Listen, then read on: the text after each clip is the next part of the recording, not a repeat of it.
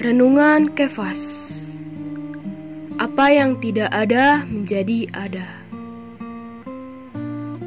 Roma pasal 4 ayat 17 berkata Seperti ada tertulis Engkau telah kutetapkan jadi bapa banyak bangsa.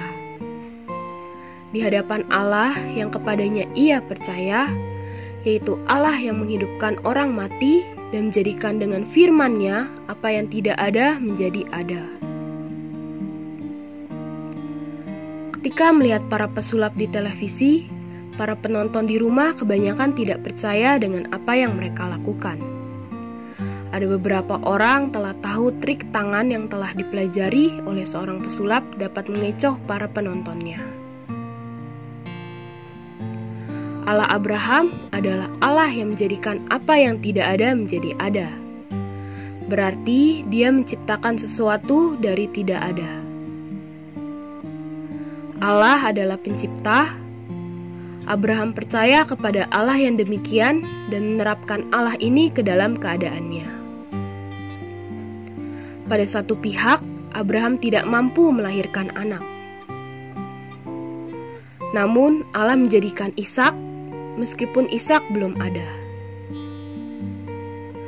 Allah menjadikan apa yang tidak ada menjadi ada. Kita harus percaya kepada Allah ini, karena Dialah Pencipta yang Maha Kuasa yang menjadikan apa yang tidak ada menjadi ada. Allah yang telah Abraham miliki tidak sama dengan pesulap yang dengan trik-triknya menipu manusia, tetapi Allah Abraham adalah Allah yang menjadikan yang tidak ada menjadi ada. Terang hari ini, yang pertama, Allah Abraham adalah Allah Pencipta. Yang kedua, Abraham percaya kepada Allah yang dapat menjadikan Ishak untuknya. Beban doa yang pertama mendoakan agar banyak Abraham-Abraham pada zaman hari ini.